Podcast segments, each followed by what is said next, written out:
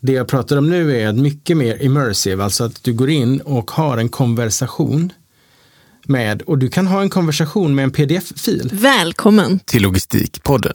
Om logistik, transport och supply chain management. Lo, lo, lo,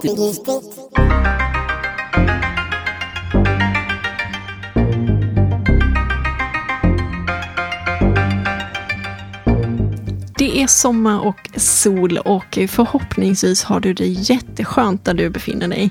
Vi på Logistikpodden har både varit iväg lite och varit på semester och det får du höra allt om i det här magasinsavsnittet. P.O. berättar om hur det är i Almedalen och hur det var just i år. Nina, hon har varit på semester och ger lite inblickar därifrån och tipsar också om sin bok som kommer här direkt efter sommaren den 31 augusti. Och givetvis pratar vi om tidiga avsnitt och de senaste trenderna och nyheterna. Varmt välkommen till Logistikpodden. Nu är det juli, Nina. Och hur är läget? Du har varit med om en massa saker sen vi hade ett magasinsavsnitt sist, eller hur? Ja, det tror jag att vi båda har varit faktiskt. Juli här, jag njuter av eh, svensk sommar. Efter en enorm värmebölja så kan man höra det här fantastiska ljudet av sommarregn. Det tycker jag är helt underbart. Det är jättekul så länge man inte behöver upp på sitt tak och spinna med grejer. ja, men vad ska man där uppe göra? Ja, det kan vi komma till. Men, ja. Eh, jag såg faktiskt också, eh, jag, när jag var ute och åkte lite på landet igår, eh, så såg jag också en man som var uppe på tak. Han saknade säkerhetslina, det var ju det jag fokuserade mest på. Eh, det regnade inte då, så att det var väl lite bättre, men eh, ändå, ska du upp på taket så undvik regn och ha lite lina. Ja, eller byggställning med fallskydd. Eh, det ska jag åka och hämta en imorgon. jag har lite grejer på gång på taket. Det är ju det andra alternativet faktiskt. Det där är ju lite svårare när man är eh, som oss då på samma ställe med, på en ö. Det är ju inte så att man liksom swishar dit med en byggställning. Eh, så himla enkelt. Eh, det där med eh, öllogistik är alltid, det, det, sätter livet lite på sin spets, men det är också en väldigt bra inblick i eh, vardagens flöden. Jo, men så är det. Och scarcity föder ju innovation. Liksom. Absolut. Ja, så att det, det är alltid spännande upplevelser.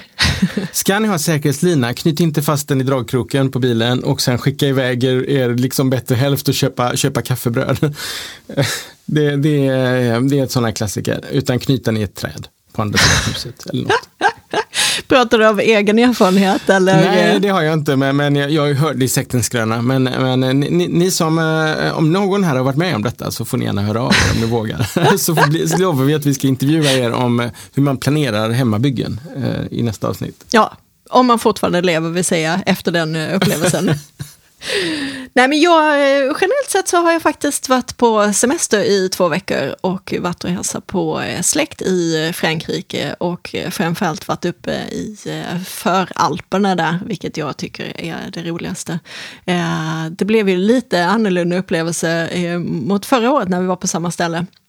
Um, vi brukar alltid hitta på lite äventyr. Jag brukar säga att de bästa upplevelserna är uh, när man har, antingen har eh, underställ på sig eller när man har våtdräkt. Uh, och för er som inte förstår det alls så har ni missat massor saker i livet. Uh, men så i, i år när vi var uppe i bergen så tänkte vi att vi anmälde oss till något som heter lättklättring eh, och lite vandring i bergen. Jättebra. Det enda de hade missat, och, och jag också för den delen, var att den här skulle äga rum på kanten av en ravin, 250 meter över marken. Så att klättringen var hyfsat lätt, men det var 250 meter ner till nästa lilla platå. Liksom. Alltså jag liksom. fattar inte hur någon gör detta frivilligt. Jag är ledsen, våtdräkt och allt vad du nu pratar om. Alltså, ja. När man kan sitta i en fåtölj och med, med något gott i glaset och liksom bara eh, ja, tänka på andra som arbetar. Alltså det, det, finns en, det finns en annan dimension i det här med att vara ledig, tycker jag. Ja, men just den här upplevelsen blev lite extrem i det att efteråt så kunde jag också konstatera att ja, om någon skulle be mig att göra det igen så skulle jag vilja ha betalt istället för betala.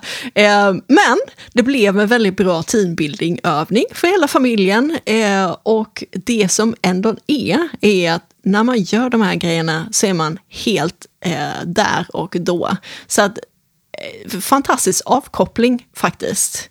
Eh, och dag två gjorde vi ju en favorit i repris och det är canyoning. Och det man gör då, det är helt enkelt att eh, eh gå och klättra längs med eh, en flod som eh, tar sig neråt. Så att eh, man hoppar från klippor eh, ner i vattnet och, och, tar sig fram och flyter och, och klättrar och sådär. Eh, jätteroligt. Eh, det enda utmaningen då var ju också att vi hade en annan familj med oss där pappan var lite stuskare än vad som faktiskt var bra. Eh, så att när guiden sa att eh, här kan ni hoppa ner, men det är liksom en ravin så att ni måste hoppa i mitten på sidorna så, så finns det liksom stenar under vattnet. Eh, han missade lite det, hoppade lite för långt och tjongade sitt, eh, sin fot i berget under vattnet. Eh, så att dag ett då, när vi var ute på den här klättringsturen, eh, var det en av de andra som, eh, ja, hon tappade greppet lite och svingades in i bergväggen och eh, skadade sin hand. Dag två då när vi var ute på canyoning hoppade den här pappan lite för långt och, och eh, smashade in sin fot och fick åka till sjukhuset. Så att, det var väl inte riktigt samma optimala upplevelser i bergen som sist. Men det är ändå en Natur, eh, lite adrenalin, eh, lite utmaning eh, och fantastisk omgivning. Och god mat på det hela. Det kan, jag, det kan jag ju tänka mig. För er som inte har möjlighet att, gå på canyoning, ni kan ju söka upp en lokal sån här höghöjdsbana. de, de, är lite, de är lite säkrare men också jättekul faktiskt. Man är uppe typ 10-12 meter upp bland träden och, och har säkerhetslinjen och sådär. Jag som då är höjdrädd Eh, tycker inte att sån här klättring i berg och sånt är för mig, men en höghöjdsbana går faktiskt alldeles utmärkt. Ja, och det var egentligen det vi förväntade oss, för att eh, förra året när vi var där uppe så hade vi sett eh, typ lite liknande höghöjdsbana som ni gjorde längst ner i ravinen, det vill säga att man, man klättrade lite lätt på sidorna och sen så svingade man sig lite över den här floden som gick där nere. så att det, det, var bara fel tur som vi lyckades anmäla oss till. Men det var spännande det också. Hälften av familjen tyckte det var fantastiskt, hälften av familjen tyckte att mm, det var en upplevelse, eh, vi kanske inte behöver göra det nästa gång. Men, eh, mm. Det är resorna där det inte riktigt går som man har tänkt sig, som man kommer att komma ihåg längst. Ja. Och, och, och, och, så är det, vi kan komma tillbaka till det temat också om en liten stund. Men så här är det, jag har hört att om eh, någon har skrivit två böcker får man kalla dem författare. Så att nu kallar jag dig för min författarkompis Nina. Tack, jag vet ju att du har i släkten också din mamma. Men det, det är ju det andra eh, som jag gör. när jag är ledig så försöker jag eh, ägna mig åt sånt som jag kanske inte annars hinner med och som man eh, vill. Så att nu har det varit skrivande i sommar. Och jag har också eh, fått eh, releasedatum för min bok. Så att den här feelgood-boken som jag pratat om tidigare, eh, den kommer den 31 augusti. finns nu att förboka faktiskt på alla stora, så Bokus, Akademibokhandeln, bokhandeln några Adlibris och sådär. Eh, och eh, jag kommer också ha en digital bokrelease eh, på kvällen den 3 september. Så det kommer mer info om det, men där kan man hänga på om man är nyfiken på boken och vill veta mer. Så att eh, bokrelease den 31 i åttonde och eh, boken heter Byrån för ökade livsupplevelser. Alltså det där, eh, jag längtar efter att få, kan, kan man lyssna på den? Eh, det kommer man att kunna göra. Den kommer att eh, läsas in här under eh, sommaren och sen släppas lite längre fram. Så att först så kommer den i ja, danskt band, alltså det vill säga i vanlig printad format och i eh, e-format och så kommer den komma som ljudbok lite längre fram. Dansband? Sa du det? Nej, danskt band. Det är Jag tänkte liksom med stor... stora skjortsnibbar och matchande skjortor. ja, men det, det hade ju varit en upplevelse om de hade läst in. En eh, dansbandsversion av din bok. Ja, Ja. Precis, kanske inspirerat till några låtar och sådär.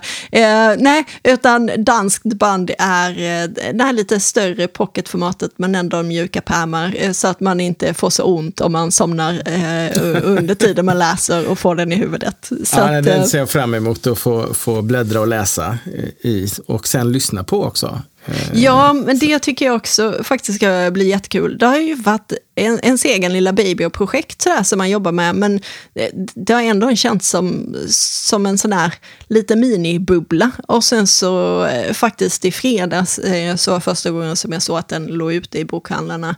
Eh, och det blev så här, åh, Gud vad coolt. Uh, så det blev uh, en sån adrenalinkick faktiskt. Så det var härligt. Och nu kommer man att kunna få träffa dig på Bokmässan i höst. Uh, jag kommer att ta en liten sväng där, men är faktiskt ute och reser precis i anslutning till det. Vi ska göra en repris på det vi gjorde förra hösten, det vill säga att barnen kommer gå på Svenska skolan på Teneriffa några veckor och vi kommer jobba från utlandet. Så att wow det blir i anslutning till det som vi behöver sticka iväg. Men eh, alla möjligheter ändå att eh, kontakta mig och höra det senaste om boken. Och som sagt var, digital release den 3 september, så det kommer mer info om det. Och eh, annars så försöker jag nog mer inspireras av eh, att läsa böcker. Jag försöker eh, läsa lite böcker av folk som skildrar sina liv. Så att jag läser Michelle Obamas senaste bok nu. Eh, och sen så eh, lyssna på lite poddavsnitt. Där kan jag varmt rekommendera Tim Ferris eh, podd, eh, intervjuerna med Derek Sivers och eh, Seth Godin, de lyssnade på igår. Sommarprat om Annie Lööf var också fantastiskt eh, tyckte jag. Eh, jag är ju inte så jätteduktig annars på att lyssna så att jag försöker nu hinna beta av en del av de här som jag längtat efter att lyssna eh, på. Och eh, lyssnade såklart på, på Pinchos-intervjun också en extra gång igår när jag satt i bilen. Eh, och sen så det andra som vi försöker göra är faktiskt att eh, öva lite på tålamodet, det vill säga eh, så mycket skärmfri tid som möjligt. Det tror jag kommer bli en superkraft. Man känner ju det där när, när man har lite småtråkigt, det blir en liten paus. Att det är lätt att eh, fingrarna glider iväg och så vill man liksom entertain me. Men eh, att låta det vara och kanske plocka upp en bok eller eh, gå över och prata med grannen eller något annat sånt där eh, trevligt. Känner inte alls igen det beteendet. Nej. Eh, Nej, med skärmar. Det, det, är väldigt, det är inte alls jag tror jag. Nej, jag tror att det är väldigt unikt för vår familj faktiskt. Jag ser det inte alls eh, ute någonstans annars. Men det var faktiskt en observation när vi var i Frankrike. Alltså när man är på restauranger där, är man på en restaurang i Sverige tycker jag att eh, det är väldigt mycket skärmar, framförallt när folk väntar på mat och så här. I Frankrike är det faktiskt inte alls lika vanligt förekommande. Men Frankrike är ett land där man lever för att äta, inte äter för att leva. Eh, och måltiden är helig lite grann ju närmare Medelhavet man kommer. Ja, men det är intressant ändå att det även speglas i de eh, yngre ålderskategorierna. Även om de sitter med sina föräldrar eller eh, i ett sällskap som kanske inte är det de hade valt själva. Så, så är det inte alls lika mycket som här i Sverige. Att, nej, och, och, och, som sagt var, eh, vi får väl se. Jag tror också att skärmar kommer att försvinna med framtiden. Eh, men den kanske inte är så som du menar. Eh, Apple släpper sin Vision Pro nu. Det börjar närma sig att vi får dem in, in dem i glasögonen och till slut i linserna och att vi kan välja vilken information vi vill se i vårt synfält. Eh, och, och, då blir det inte längre en skärm utan då blir det en annan slags superkraft. Då blir det för, förmågan att, eh, att eh, alltid ha tillgång till den information du behöver. Så det är inte nödvändigtvis för underhållning utan snarare ett slags, eh, vad ska man säga, Um, en digital kompis som sitter på din axel och hjälper dig med allting du behöver göra. Men, men det som jag tycker man ska reflektera över kopplat till det, oavsett vad det är man konsumerar, det är ju egentligen att om man tar tiden som en finit mängd, det vill säga du har 100 procent, att faktiskt reflektera över hur mycket av den tiden använder du till att hämta in information och hur mycket av den tiden använder du till att göra någonting av den informationen?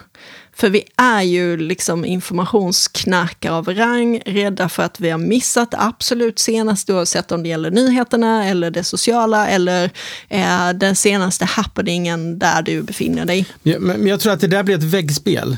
Som jag pratade om i förra magasinsavsnittet, alltså det vi ser nu med de här ChatGPT och annat, det är ju att det är inte Google, det är inte information det handlar om, det är dialog. Det är den här arkitekten som är jätteduktig på att i dialog, dialog med dig tillsammans med dig skapa ditt drömhus. Ingen av er kan göra det var och en för sig, men, men du får den här förmågan i dialog med någon annan. Och den, den skillen vi behöver träna på det är hur, hur, hur blir du chef över en AI? Hur, hur, kan du konversera med eh, någon sån här funktionalitet som då hjälper dig? Så att det är alltså inte du som gör jobbet, det är ni som gör jobbet. Ja, men jag tänker också att det är väldigt mycket bara eh, dumskrollande, om man säger så. Eh, så att det jag tänker mer är, vad är syftet när jag interagerar eller läser någonting? Är det för att jag ska leta efter en bra restaurang som vi ska gå till? Är det för att jag är uttråkad och bara vill bli lite underhållen ett tag? Eh, försöka hitta en bra bild som jag ska använda till någonting inte det här planlösa, ja men eh, nu har det kommit en ny uppdatering, det måste jag gå in och kolla på. Eh, nu kommer nyheterna klockan sju, liksom. det måste jag eh, titta på. Va, vad gör du med den informationen? Alltså var lite mer eh, kritisk och eh, analytisk när det gäller vad är det jag egentligen har för syfte med det här jag lägger tid på. Men jag tror vi går in i en era nu av, av dialog och interaktivitet och inte det här ensidiga, man läser någonting. Information som är enkelriktad. Antingen, antingen eh, skriver du något, och online är ju inte det så vanligt, utan för det, det, det mesta är ju att man tar in något som andra har gjort eh, och möjligtvis att man kommenterar. Men den dialogen är ju ganska rudimentär. Det jag pratar om nu är mycket mer immersive, alltså att du går in och har en konversation med, och du kan ha en konversation med en pdf-fil. Det finns ju nu pluginer, till exempel ChatGPT, Chat with PDF.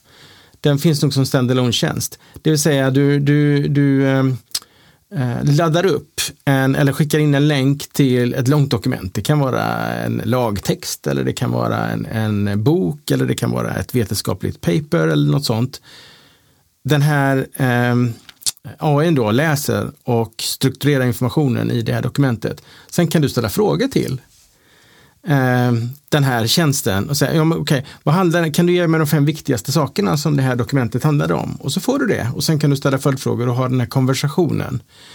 Så att det, det, handlar inte om call and response. Det handlar inte om googla och så får du svar, utan det handlar mer om interaktion. Och det där är något vi inte är så bra på än, vi människor. Men det kommer vi att behöva bli. För det kommer att vara i nästan alla yrken kommer du att behöva göra sådana här saker. Men om jag tittar runt omkring mig eh, så är det ett fåtal som använder de funktionerna. Det är fortfarande väldigt, väldigt mycket, eh, alltså hämta in information, eh, det här rudimentära, enkla. Och eh, oavsett om man för en konversation, jag kan ju också irritera mig om man sitter och har en dialog med någon och den hela tiden måste eh, plocka upp eh, ChatGPT eller någonting annat, försöka svaret på den här frågan så man sitter och bollar lite, ja men vad det skulle det kunna tänkas.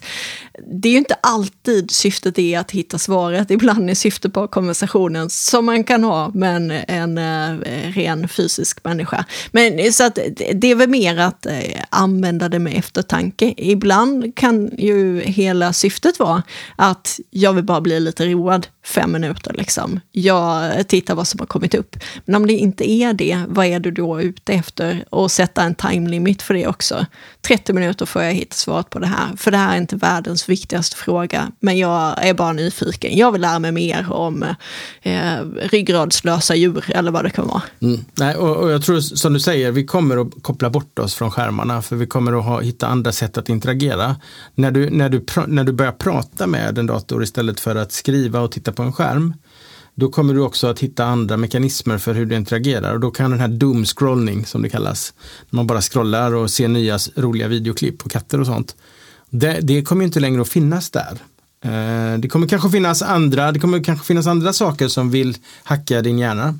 Men just det kommer inte att finnas där utan då, då, då blir det nya utmaningar, men då får man ta hand om dem. Eller så får du eh, ett gratisabonnemang, fem minuter, sen får du titta fem minuter på dumskrollning och sen så är du inne i det. det är, alltså så länge man tjänar pengar på det här så kommer de ju hitta vägar. Ja. Så, så att, eh, jo, jo eh, det, det, är en ständig kamp är det. Eh, och eh, vi får väl se vart det här tar oss. en sak är säker, det kommer inte att vara likadant om ett år som det är nu. Nej, men egentligen kan man väl sammanfatta det som, du har semester, du har ledig tid. Se till att fundera på vad du vill använda den tiden och din uppmärksamhet till, för det är många som slåss om den. Ägna lite tid åt nära och kära runt omkring och det här som du har drömt om att göra som kanske inte innefattar en skärm med det sagt så tycker jag att vi övergår till dig, för du har varit på massa spännande resor sen sist och eh, Almedalen. Ja, framförallt inte. jag har inte varit på konferens i Aten som jag sa att jag skulle sist. Jag har varit i Aten förvisso, men Men, men du valde skulle, hotellrummet istället? Jag valde hotellrummet istället. International Physical Internet Conference eh, hade jag verkligen, verkligen sett fram emot. Jag skulle hålla två föredrag, skulle träffa stora delar av mitt, mitt internationella nätverk skulle vara där och det skulle vara ett antal liksom, fantastiska dagar i Aten och Akropolis och Oso och allt vad det nu är om man dansar mm, och sådär. Eh, på flyget på vägen ner fick jag 39,5 graders feber och blev liggande på hotellrummet hela resan. Då är man inte så kaxig. Nej, och ligga sjuk utomlands. Alltså, jag bodde 500 meter från Akropolis och har fortfarande inte sett Akropolis. Men hur klarar du dig eh, om man då kommer till den praktiska logistiken? Liksom? Mat, eh, mediciner? Jag, jag hade med mig lite sån här typ Ipren Alvedon. Jag kunde trycka ner febern och gå ut och äta en gång om dagen. Eh, typ lokal, bara, runt hörnet, ta en hamburgare, ät och sen in på rummet igen. Eh, gå till apoteket som låg, jag bodde väldigt centralt så allting fanns liksom inom två minuter. Så, att, eh, nej, så jag var på ett, ett pyttelitet grekiskt hotellrum i tre och en halv dag, sen åkte jag, åkte jag hem. Och var sjuk ytterligare några dagar hemma.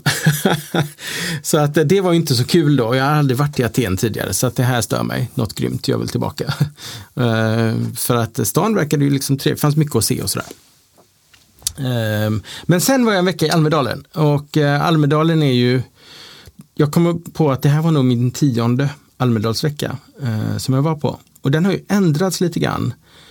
Eh, några av som lyssnar kanske var där, men de flesta nog inte. Eh, Almedalsveckan har ju tidigare, den moderna Almedalsveckan då i alla fall de sista typ 15 åren, har varit första veckan i juli. Så att eh, månadsskiftet har alltid varit i Almedalsveckan, antingen typ eh, ja, någon av de första dagarna. Eh, och det har alltid varit en hel vecka, eller rättare sagt en dag per riksdagsparti. Så är det åtta partier i riksdagen, då är det söndag till söndag som gäller. Så att partiledarna har haft tal klockan 19 på kvällen och, och det partiet har då haft liksom närvaro nere i Almedalsparken och man har haft liksom glass och ballonger och sådär och, och, berättat om sin politik och sitt budskap. Och, och sen runt omkring i Visby, som då är en ganska liten stad, så har det då varit hundratals seminarier. Eh, det byggs upp en massa tält och scener och restauranger och annat tas över av alla organisationer som då vill eh, eh, bjuda på, på gratisseminarier för alla seminarier. De här öppna, de är gratis då. Och eh, Eh, sen under covid, ja, jag berättade det också i podden, för er som kommer ihåg att 2018 då, eh, eller 2019, det vill säga året innan eh, covid slog till, så märkte jag en liten dipp i eh, vilka som ställde ut. Helt plötsligt så fanns vissa stora organisationer inte där längre med stora tält och sådär, för det är ganska dyrt att åka dit. Så att jag, jag hade väl eh, en liten förutsägelse att det skulle implodera som 2020 då. Uh, nu blev det ju inget 2020 för att covid slog till. Och uh, förra året uh, så var det lite grann kalva på grönbete. Då hade man dessutom gjort om, det var fortfarande samma vecka, men man hade gjort om så att varje parti fick en halv dag istället för en hel dag. Så det blev mer komprimerat. Vilket gjorde, för att det har varit kritiserat i många år att det är för långt helt enkelt. Så man gjorde hela eventet kortare då? Man gjorde eventet kortare. Det började med kvällstal en söndagskvällen tror jag och sen höll det på till då, vad var det, torsdag förmiddag. Något sånt. Uh, och, och, det var något som många hade pratat om i många år men det behövdes en covid sån här kontroll allt för att våga göra någonting. Uh, och det gjorde de. Och uh, Almedalsveckan förra året var helt fantastiskt bra. Eh, det är, nätverk, det är pauserna och nätverkseffekten som är den stora grejen där. Det är så mycket folk som är på en sån liten plats och alla är där med liksom öppna spjäll.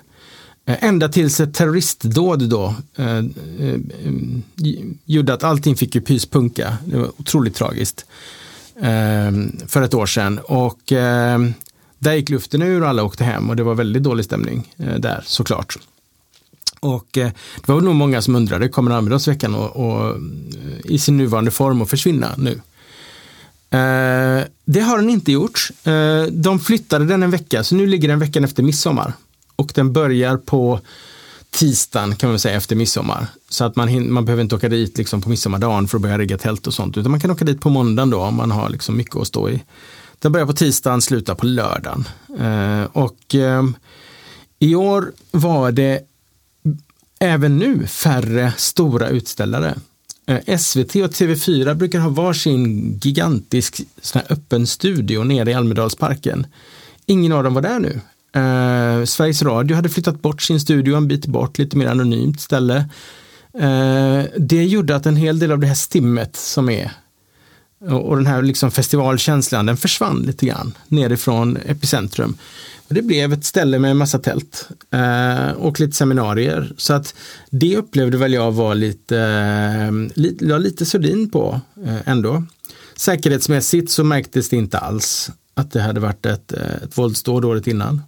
Annat än att det var naturligtvis fler, fler poliser och fler civilklädda och sådär. Men det var inga metalldetektorer och inget sånt. Det förvånar mig ändå lite för att generellt sett så upplever jag en mycket större önskan fortfarande att ses och, och nätverka och att man verkligen har saknat det, som man kanske tyckte var lite småtråkigt när man hade åkt tionde året och skulle åka elfte året, att eh, det har varit ett uppdämt behov som fortfarande finns kvar, tycker jag, att eh, ses. Eh, jo, men så är det. Alltså nätverkandet fortfarande är världsklass där. Nu pratar jag om vilka som var där och ställde ut och sådär.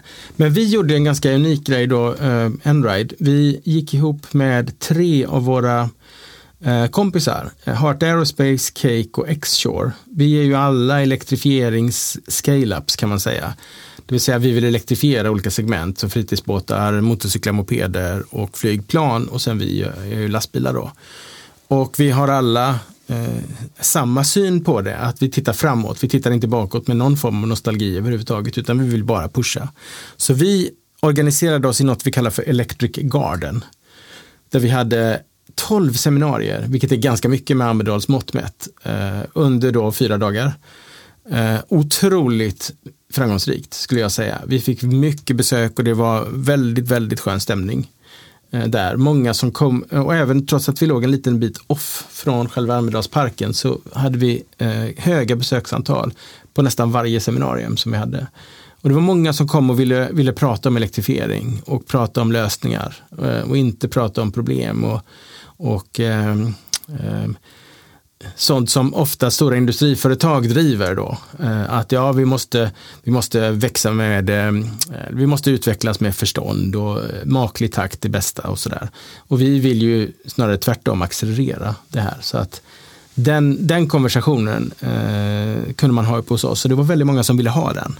Så det tyckte jag var väldigt, väldigt roligt. Var det någon speciell kategori av människor som du eh, urskönjade bland dem? Eller var det... Flera, av, eh, flera personer som vi har intervjuat tidigare i podden var där med hållbarhetsprofil. Jag ska inte outa några namn, men eh, många man kände såklart som kom. Men också många, många eh, politiker, riksdagsledamöter, EU-parlamentariker, höga eh, statstjänstemän som jobbar åt regeringen kom förbi. Eh, vi fick ett väldigt, väldigt stort engagemang hos väldigt många.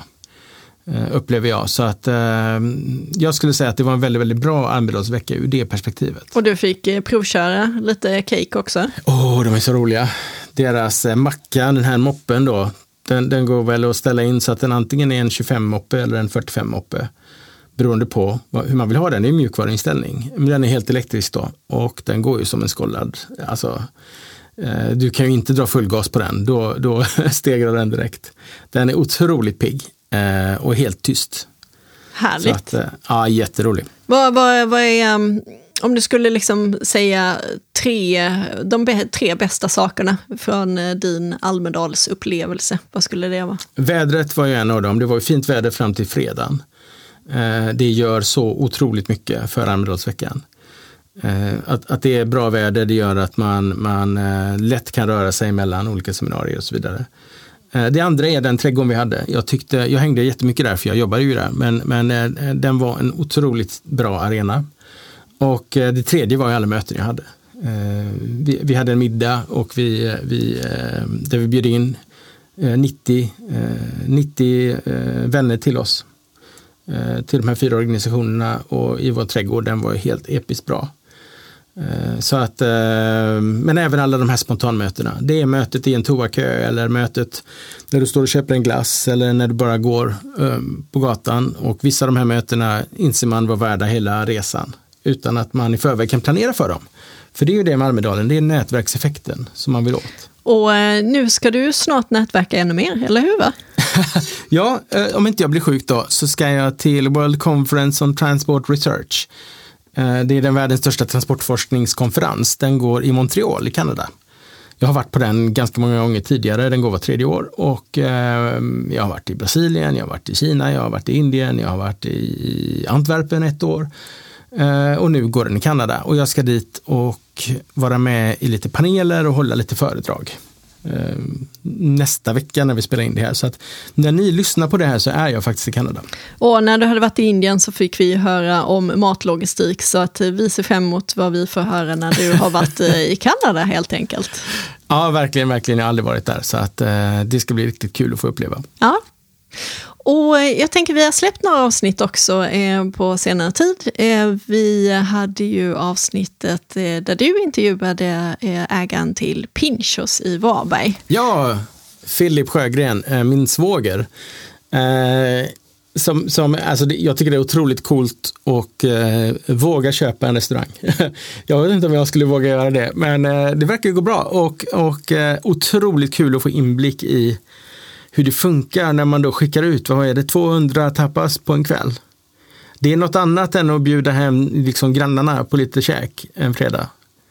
Eh, när man pratar logistik. Precis, och, och, det jag tycker är intressant är att nu är det ju kanske många som är ute och rullar på vägarna eller man är ute och reser och någonstans längs det så kanske man smiter förbi någon av de här eh, stora franchise-kedjorna. Eh, att inblicken i Pinchos tror jag inte skiljer sig så jättemycket från många andra av de här. Alltså att det finns Eh, ett koncept i bakgrunden, det finns eh, mekanismer. Man ser ju också just eh, bland franchise faktiskt att jag kommer inte ihåg hur många som lyckas med företagande som, alltså, som öppnar restaurang utan att vara franchise. Men bland franchise så tror jag det är alltså så här 95 procent eller någonting lyckas och får spinn på det. Just för att det finns ett koncept, det finns väl eh, uttänkta och beprövade metoder eh, och det är faktiskt eh, lite coolt. Och samtidigt så finns det ju såklart utmaningar, precis som ni pratade om, med att One Fit kanske inte alltid passar i alla sammanhang. Jag tänker i Berika och skinkan där som ett exempel då, när det kanske råder lite andra förhållanden. Men det, någonting som jag tog med mig var just det här med alltså plockmaten, alltså tapp tapas då och eh, vilka effekter det faktiskt får på, på disken. Eh, det är ju något som eh, man kanske inte tänker så mycket på, om, förutom om man har det hemma, för då brukar man ju bli akut liksom, upplyst om den saken. Eh, sen tyckte jag ju precis som du eh, fascinerades över det här med visuell styrning och att göra det på tallriksnivå. Eh, jättesmart och det jobbar ju många av de stora restaurangkedjorna också med. Alltså visuell styrning. Att du behöver inte läsa någonting för att förstå vad du ska göra utan det räcker med att titta på det du har framför dig och du vet exakt vad du ska göra. Det tycker jag alltid är coolt oavsett om det är i någons hem, på någons arbetsplats eller i bilen eller vad det nu än är. Så att, eh, läs inte en instruktionsmanual, liksom, för det finns framför dig. Eh, det är häftigt att nyttja. Ja, verkligen. Och, och alla den här, för att när man skalar då så blir varenda liten småsak blir väldigt stor. Eh, helt plötsligt. Och då är det värt att lägga ner liksom, ehm, eh, infrastruktur, pipe, piping, eh, dra lite rör, eh, metaforiskt sett, att skapa de här eh, plattformarna som gör att när du väl ska göra saker så kommer det att gå typ 30 sekunder snabbare varje gång du gör det. Och gör du 200 stycken på en dag så är det två timmar liksom. Eller något sånt, nu har jag inte räknat, men det, ja, det är 100, 100 minuter. så att det, ja, det är nästan två timmar då, 30 sekunder gånger 200. Och det blir mycket tid, väldigt, väldigt fort när man skalar. Ja, verkligen. Och det är ju bara en kväll då, då kan man tänka när man gör det om och om igen. Eh, och det kan man ju egentligen tillämpa för sig själv också. Eh, till exempel har du vissa mejl som du alltid ska svara på, där du får förfrågningar kanske från, från kunder som undrar ett och samma. Eh, det, finns, det är ju inte en eh, slump att det finns eh, FAQs eh, på de flesta hemsidor, utan det är också Hej, ett sätt... GPT. Ja, precis. så det är också ett sätt att hantera. Ja frågor. Ja, men alltså det där att låta ChatGPT svara på dina mejl, så vet du att den personen i andra änden har också antagligen ChatGPT som har skrivit mejlet i fråga. Det blir lite patetiskt, Ja. tycker jag. Hela det här att bygga in det i mejlprogrammet för att svara på mejl. Jag, jag är teknikoptimist, alla som känner mig vet det och jag kastar mig över ChatGPT och allt detta. Men jag kommer inte att låta ChatGPT skriva mina mejl. Jag är ledsen. Men det, det, jag ser inte vitsen med, för kommunikation är kommunikation. Eh, så, så att, eh, ja, jag vet inte. Att två, två stycken generativa AI ska börja prata med varandra och deras människor bara står bredvid och ser på. Det känns inte riktigt eh, produktivt. Ja, men det- I vissa sammanhang skulle jag kunna tänka mig, alltså en första initialkontakt kanske där någon, eh, hej hej, säljer ni eh, skruvar i den här dimensionen och så kan någon svara, ja det gör vi, här hittar du länken eh, liksom. Och så kan, kan deras del bara, bra, det, är det, det kostar så här mycket, jämför vi med någon annan så är det lite dyrare.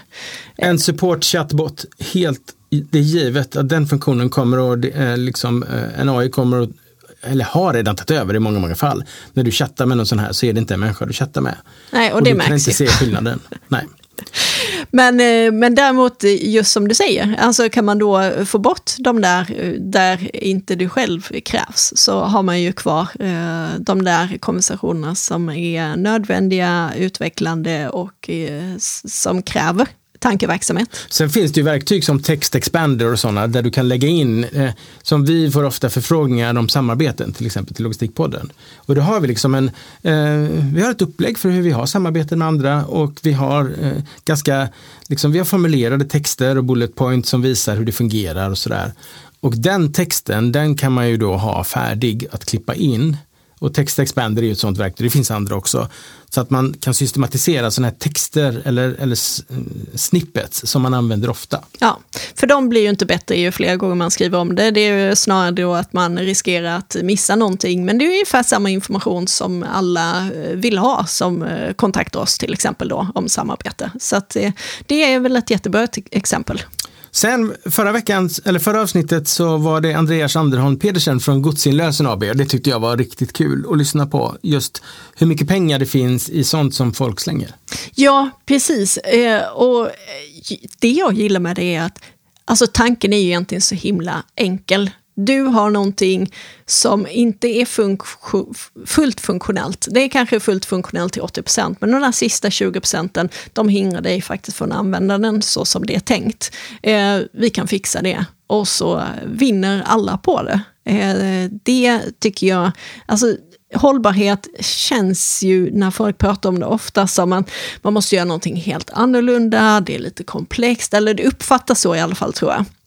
Och här är ju verkligen ett exempel på man tar ett redan existerande flöde och så bara gör man det lite bättre. Och så är alla liksom glada. Den som får tillbaka sin telefon och inte behöver köpa en ny och, och fixa och dona med det. Eh, försäkringsbolaget då som inte behöver pynta ut med pengar och eh, godsinlösen som kan tjäna pengar på att eh, förse världen med den tjänsten. Eh, så det hoppas jag att vi kommer se mycket, mycket mer eh, av framöver. Det är egentligen en, en återgång, tänker jag, till det här som vi var så bra på tidigare. Alltså när, när ens mormor eller farmor undrade om man skulle stoppa strumporna. Det kanske inte är på, på den nivån riktigt, men jag, funderade också på det, jag hade två, mina, två av mina favorit-t-shirtar som jag har fått små, små hål i.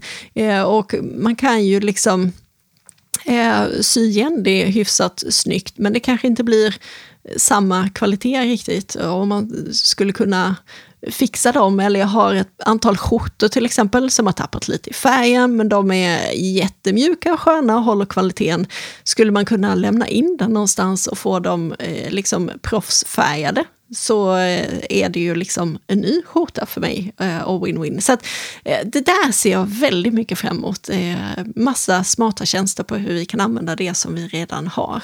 Och också tycker jag att det är viktigt är att man pratar ju ofta så mycket om transporter i samband med miljö och transporter är ju en del där man verkligen kan få stor effekt eh, på utsläpp.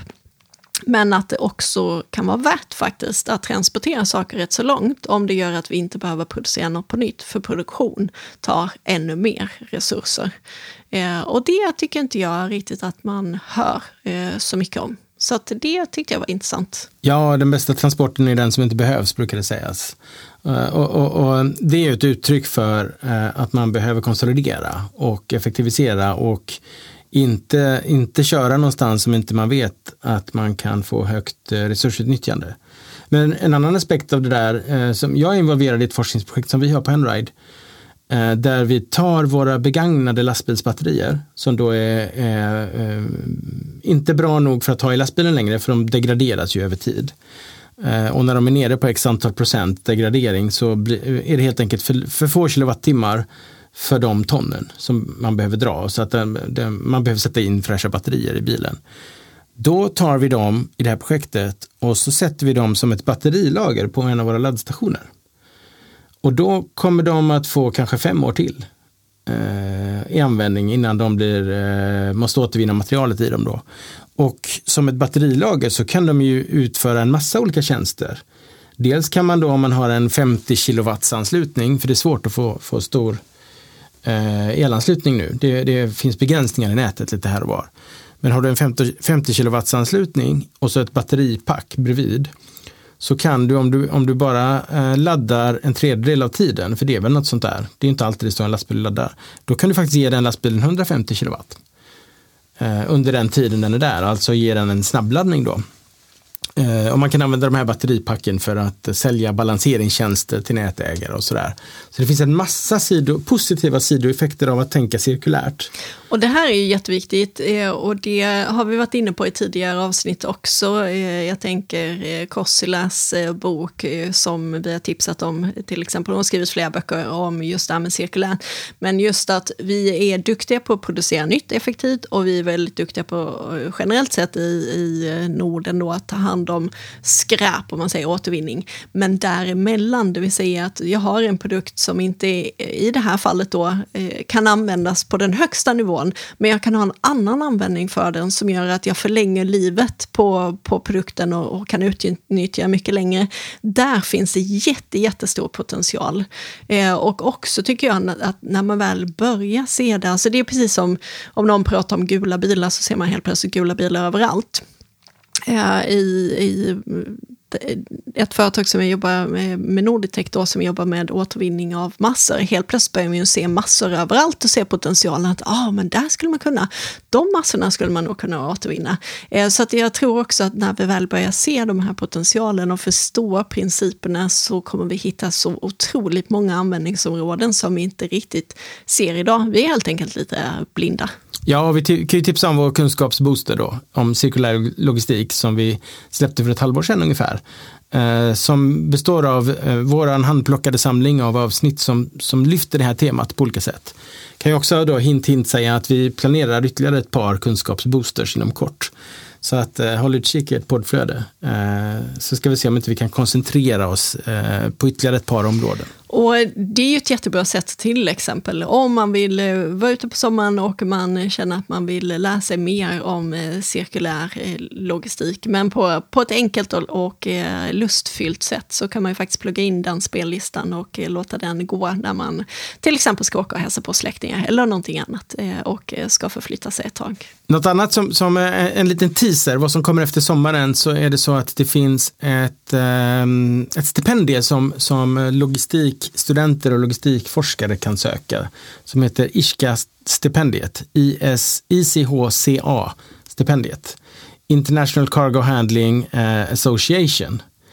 Och eh, det stipendiet kan man söka om man har skrivit en avhandling eller en licentiatuppsats eller ett exjobb. Och eh, de bästa uppsatserna får detta stipendiet då. Och eh, vi har intervjuat eh, de som, många av dem som fick stipendiet förra året. Eh, och vi kommer att ha ett avsnitt där vi eh, tittar på de här doktorsavhandlingarna som var bäst då förra året.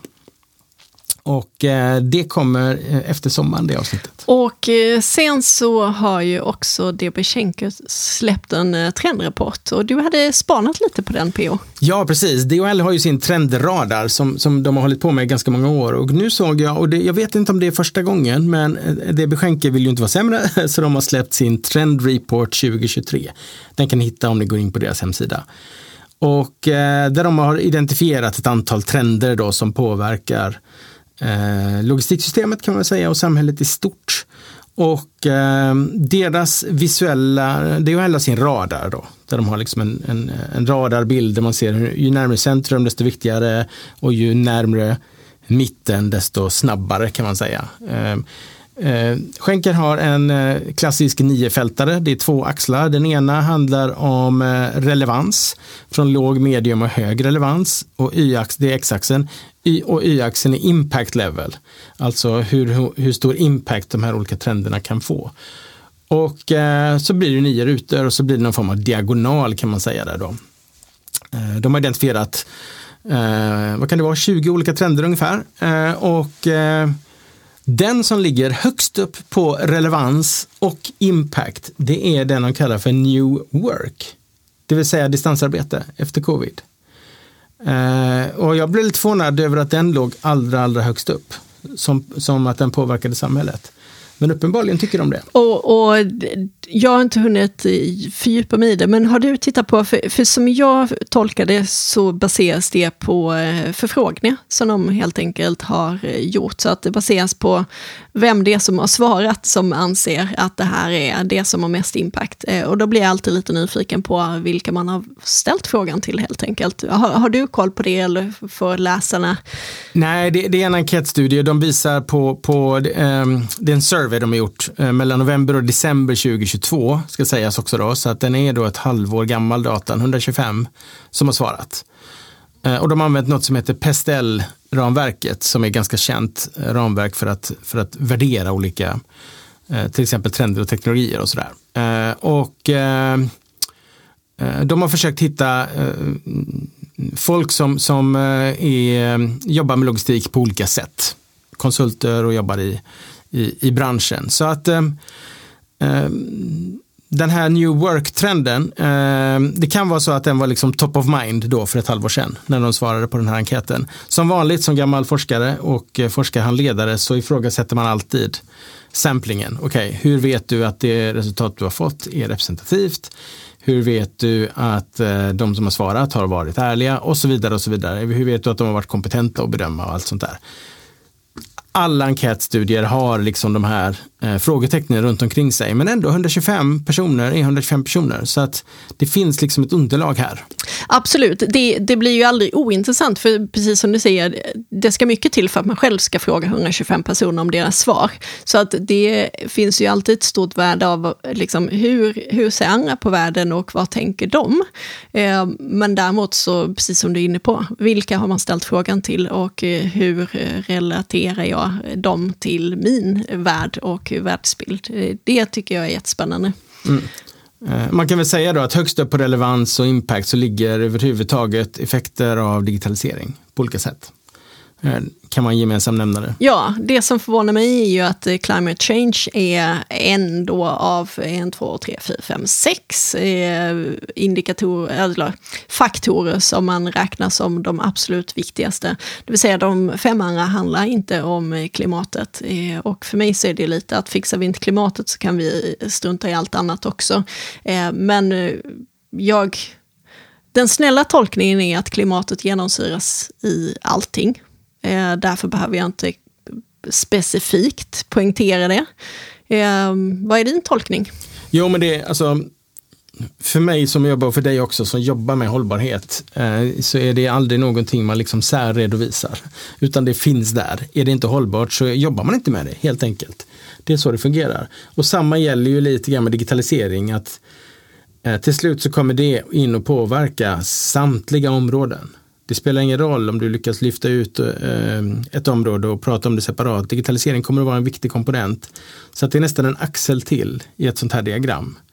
Så har jag alltid tyckt om digitalisering, att det går på tvären. Det, det, det, är inte ett eget område, utan det går in i alla. Och hållbarhet har ju samma typ av smak kan man säga. Och det som jag kan tänka mig lite när det gäller hållbarhet är ju att Alltså vi har lyssnat på många och, och, det anses ju generellt sett svårt att mäta det. Alltså vad, hur, hur mäter jag min hållbarhet och hur mäter jag det korrekt? Det finns ju såklart ett antal olika sätt som eh, man värderas på, eh, men det är ändå kanske lite svårt att riktigt naila det och, och det gör ju alltid att det är lite svårare att prata om. Det är alltid eh, mer attraktivt att jobba i en sport där du kan mäta dig direkt med andra och se att nu har jag blivit 10% bättre Eh, än det som är lite mer fluffigt. Alltså hur, hur mycket har jag eh, kört mental träning? Vad har det lett mig kontra hur mycket snabbare har jag blivit i löparspåret? Så att där tror jag också att det finns väldigt mycket och eh, själv tycker jag att man kan gå tillbaka och titta på. Det finns ju ett antal faktorer som man vet är väldigt viktiga, till exempel mångfald av eh,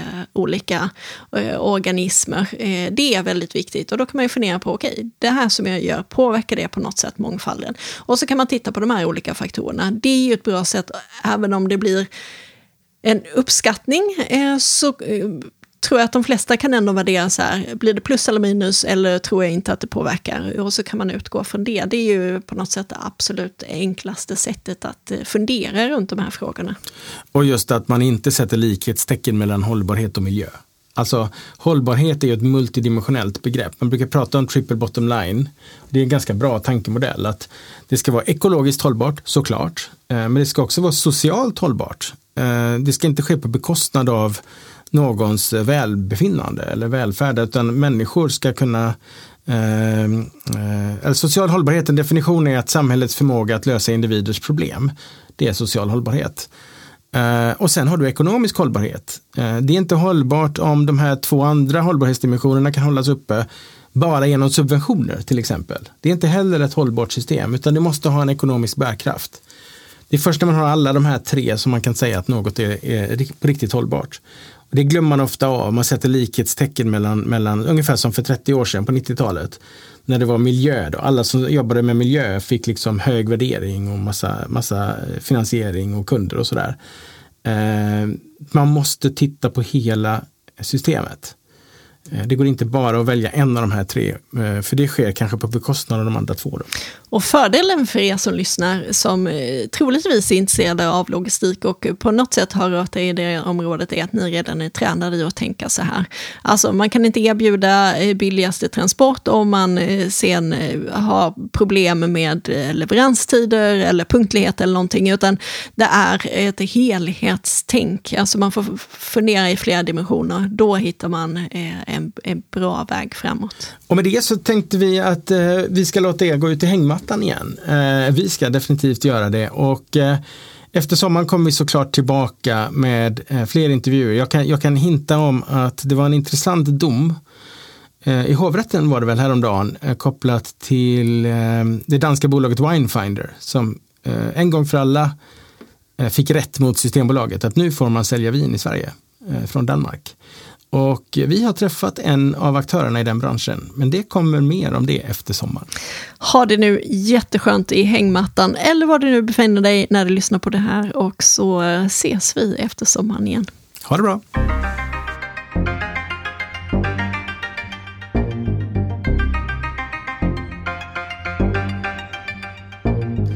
Varmt tack för att du har valt att lyssna på Logistikpodden. Vad tyckte du om det här avsnittet?